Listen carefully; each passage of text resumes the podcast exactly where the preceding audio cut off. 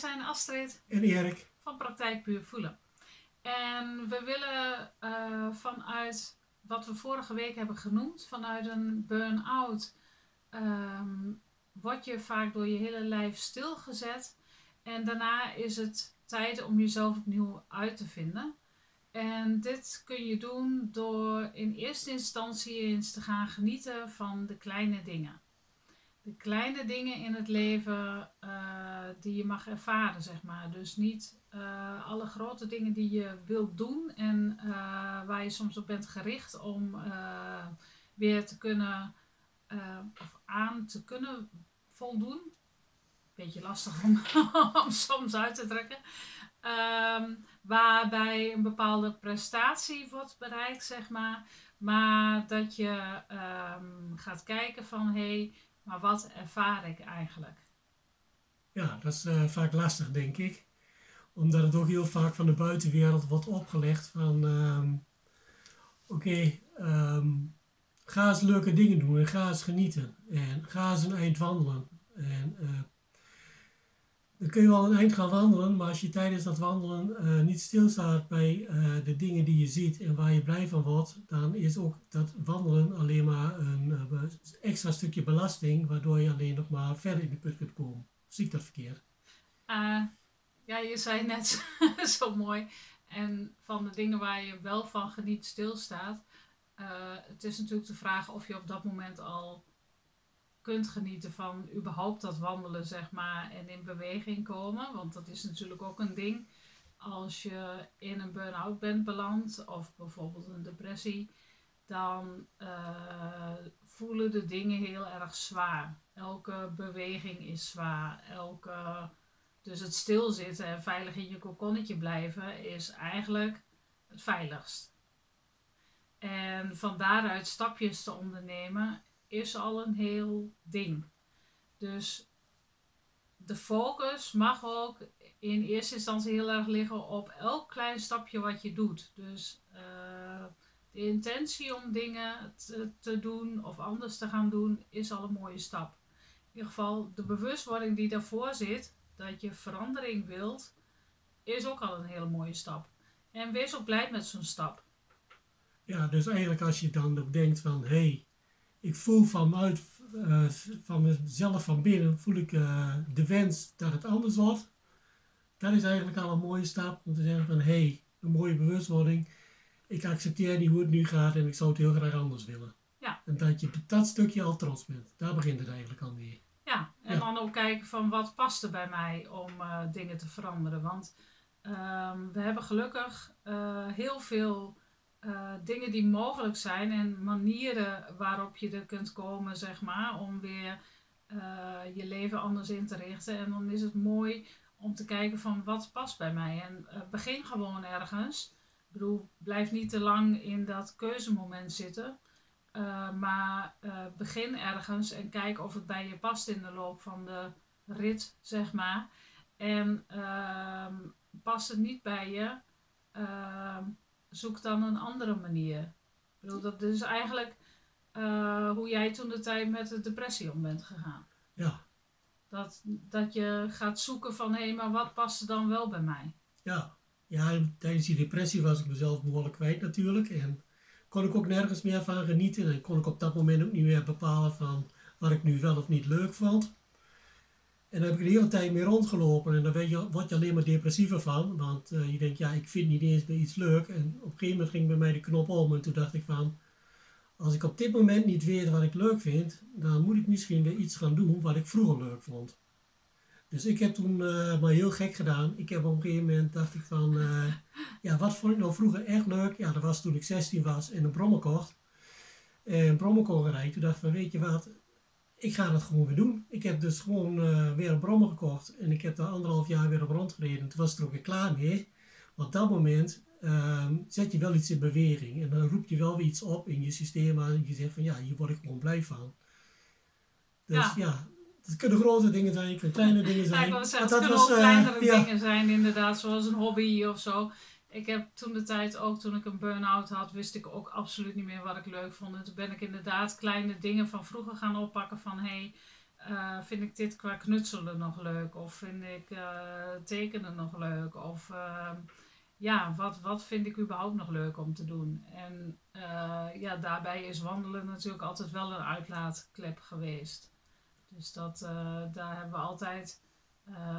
we hebben altijd honden gehad, dus we moesten wel gaan wandelen, maar we hebben dat ook altijd samen gedaan. Dus daarbij kun je ook altijd samen weer even dingen uh, reflecteren, even weer dingen door je systeem laten gaan. En ook al loop je gewoon stil naast elkaar, je bent wel samen met iets bezig. En dat is ook wel uh, belangrijk op dat moment, want vaak weet je niet meer wat je wilt of moet. Of... Ja. Ja. Ja, en ik hoor bij mijn cliënten ook vaak dat er dan wel een beetje een valkuil in zit. Van, dan nemen ze voor van, nou ja, dan ga ik lekker wandelen. En dan moet dat ook hartstikke leuk zijn. Zijn ze gaan wandelen? Is het niet leuk? Dus dan uh, zijn er mensen die dan weer tegen zichzelf zeggen, zelfs dit vind ik al niet leuk. En dat zou ook nog leuk moeten zijn. En zichzelf daar dan ook weer in teleurstellen. Je kunt ook op dat moment bij jezelf gaan denken van, weet je wat, ik heb het in ieder geval geprobeerd. En misschien vind ik het vandaag niet leuk. Ik ga het gewoon nog een aantal keren doen. En geef mezelf ook die kans om het in de loop van de tijd gewoon leuker te gaan vinden. En als het dan uiteindelijk echt niet past, dan zeg je van oké, ik heb het geprobeerd, wat goed van me.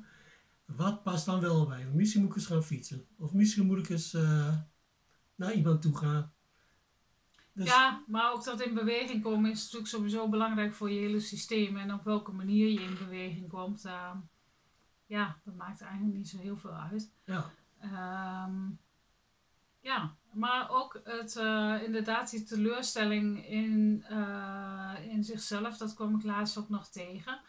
Um, iemand moest vanuit een andere reguliere therapie um, de positieve dingen gaan opschrijven.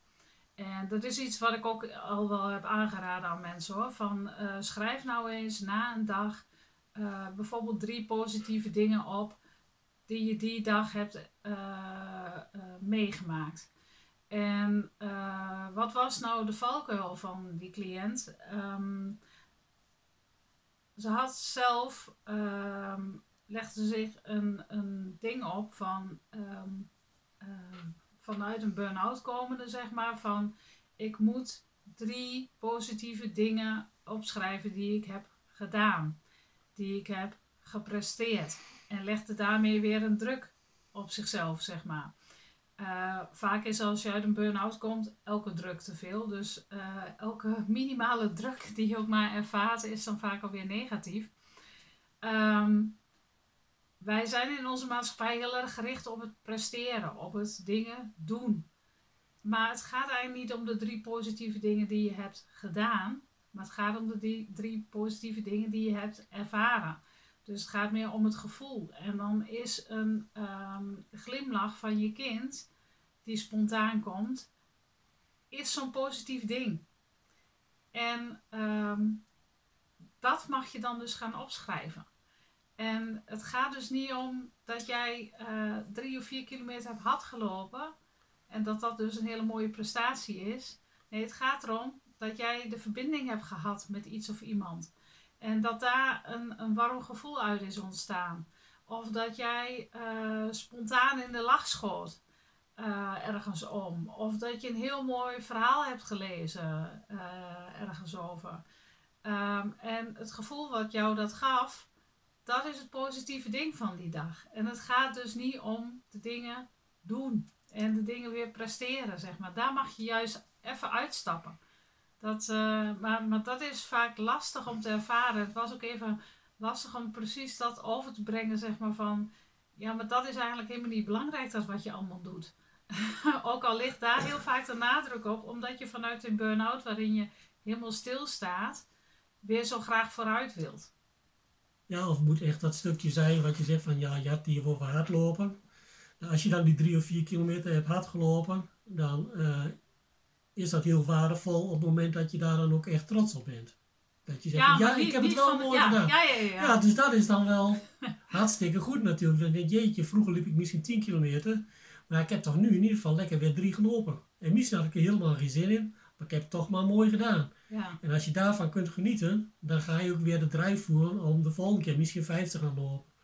Ja, maar dan zit je weer in de prestatie. Ja, maar, dat is een, nee, dat, maar je zit ook in een stukje van dat je de trots voelt bij jezelf. Ja, maar die trots is vaak nog ver te zoeken. Ja, maar dat komt dan op een gegeven moment wel. En als je die wel voelt, dan uh, ga je ook jezelf weer wat meer waarderen, waardoor je makkelijker weer uit de depressie komt. Uh, ja, maar dan zit je in het verschil tussen een depressie en een burn-out. Ja. Uh, depressie kan ja, hoeft niet je hele lijf ook stilgelegd te zijn. Um, dan zit je veel in het uh, zwart denken, zeg maar. Maar dan hoef je niet per se qua lijf uh, stilgezet te zijn. En vaak is een burn-out dat hij ook heel erg op je lijf slaat. Mm -hmm. En um, dan is het lijfelijk presteren niet per se het belangrijkste, tenminste niet. Uh, dat kan ook goed meewerken, maar als dat allemaal te zwaar voelt elke keer weer, dan mag je dat even opzij zetten, zeg maar. Dan mag je dat wel blijven doen, maar dan hoeft daar geen druk meer op te liggen van hé, hey, maar als ik dan nog een kilometer erbij pak, want dan ga je eens weer in die valkuil van het presteren. En een burn-out komt natuurlijk vaak omdat je te veel hebt willen presteren. Ja. Ergens aan hebt willen voldoen waar je niet aan kon voldoen. Mm -hmm. En of dat nou die druk van binnenuit is of vanuit een, een buiten, buiten jezelf iets, ja, dat maakt dan niet uit. Het gaat om, om dat iets waar je niet aan kunt voldoen of iets wat je geen energie oplevert. Ja, weet je, als ik mensen in de praktijk heb, dan uh, en het gesprek uh, wil niet heel erg vlotten of ze kunnen niet precies benoemen ja, waar ze dan moeite mee hebben. En vooral als het dan om genieten gaat, dan vraag ik wel eens van, goh, wanneer was je dan nog echt gelukkig? En daar kunnen ze dan vaak al niet bij uitkomen. En dan denk ik, uh, of dan vraag ik vaak van, uh, wanneer had je dan voor het laatst echt een binnenpretje? Ja, dat denken mensen, oh ja, dat had ik vroeger ook wel eens. Dat is lang geleden. En um, als je daarna terug kunt, en als je daar weer bewust van bent, als je het wel hebt, ja, dan doet dat heel veel met je systeem. Dan denk je, hé, hey, hier gaat het ook eigenlijk allemaal om. Want binnenpretjes, die voel je ook echt van binnen. En uh, ja, dan ben je vrolijk om iets wat soms helemaal niet te beredeneren is. Maar waar je gewoon echt denkt van, oh, het is geen lach op je gezicht, maar het is echt vrolijkheid van binnen. En dat maakt een groot verschil. En als je ja, daar eens op focust en denkt van, hé, hey, ja, dat, dat heb ik echt gehad en dat wil ik weer terug. Dan geef je daar ook weer een doel. En dat, uh, dan weet je ook van, hé, hey, uh, daar wil ik naartoe.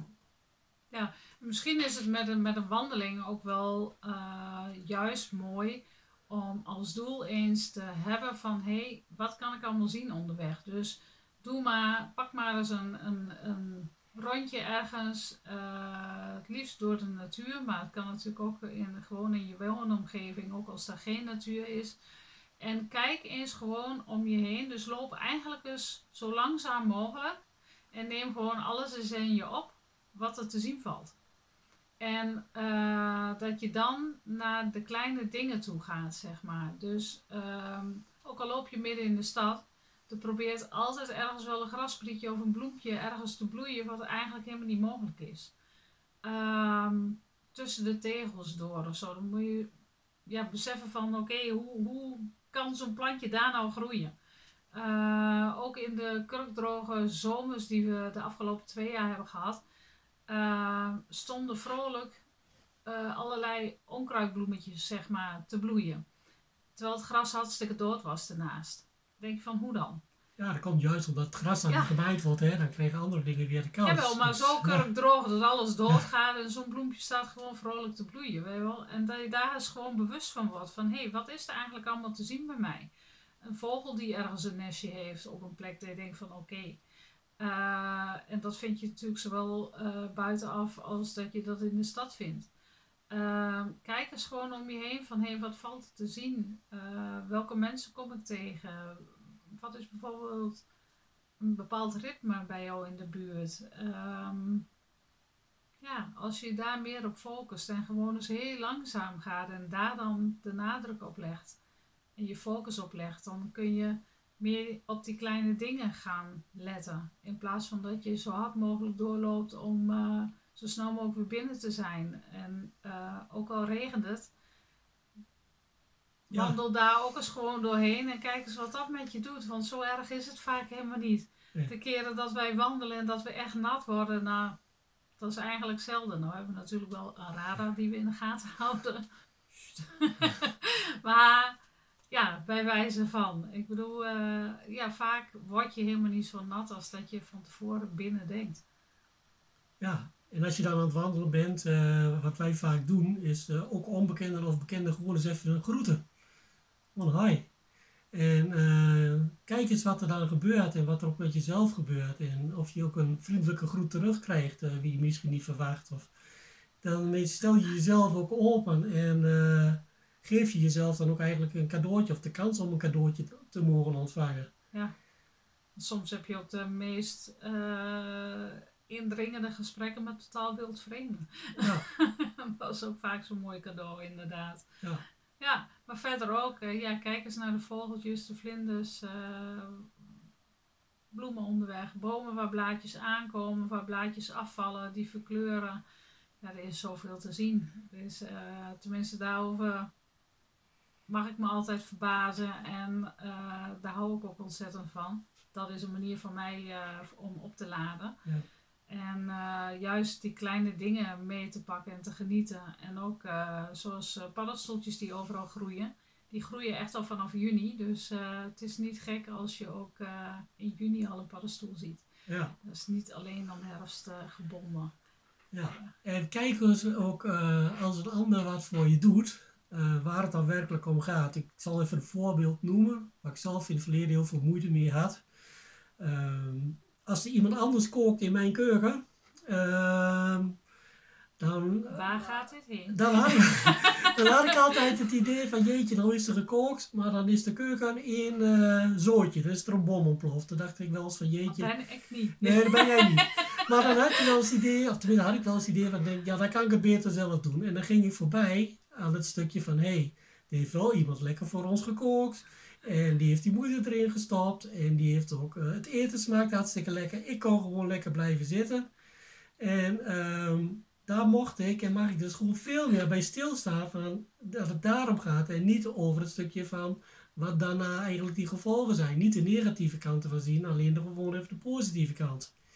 Ja, dat zijn dingetjes waar je jezelf, je gedachten, eh, sturing aan kunt geven. En waar je bij jezelf bewust van moet zijn van, hé, hey, maak ik me nou mezelf gek? Of durf ik gewoon ook te genieten? Stel dat je kind een bosje bloemen plukt in jouw tuin, staat dan je tuin op kop, denk je van, jeetje, alles kapot. Of krijg je gewoon hartstikke lieve bosje bloemen van je kind en zet je mooi op een vaasje. Dat zijn allemaal dingen waar je gewoon eh, zeggenschap over hebt hoe je daarnaar kijkt en hoe je daarmee om wilt gaan.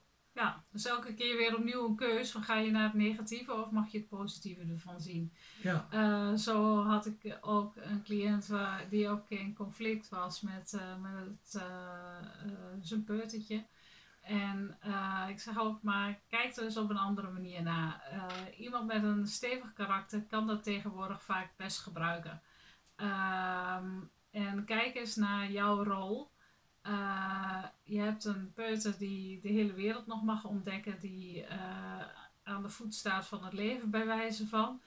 Ehm, die hele grote wereld is één onbekende plek. Ehm, eh, het peutertje staat er wel stevig in de energie.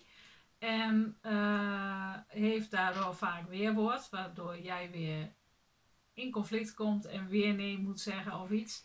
Zeg maar, kijk nou eens even naar jouw mooie rol om dit te mogen begeleiden, zeg maar. Deze rol van begeleiden in die grote wereld en zo een bepaalde veiligheid te mogen bieden.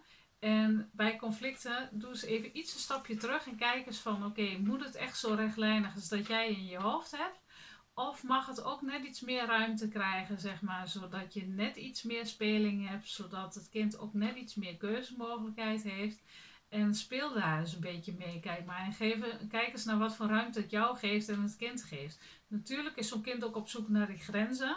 Mag best begrensd worden in bepaalde dingen, maar kijk eens net op een andere manier ernaar. Kijk er met een stukje humor naar.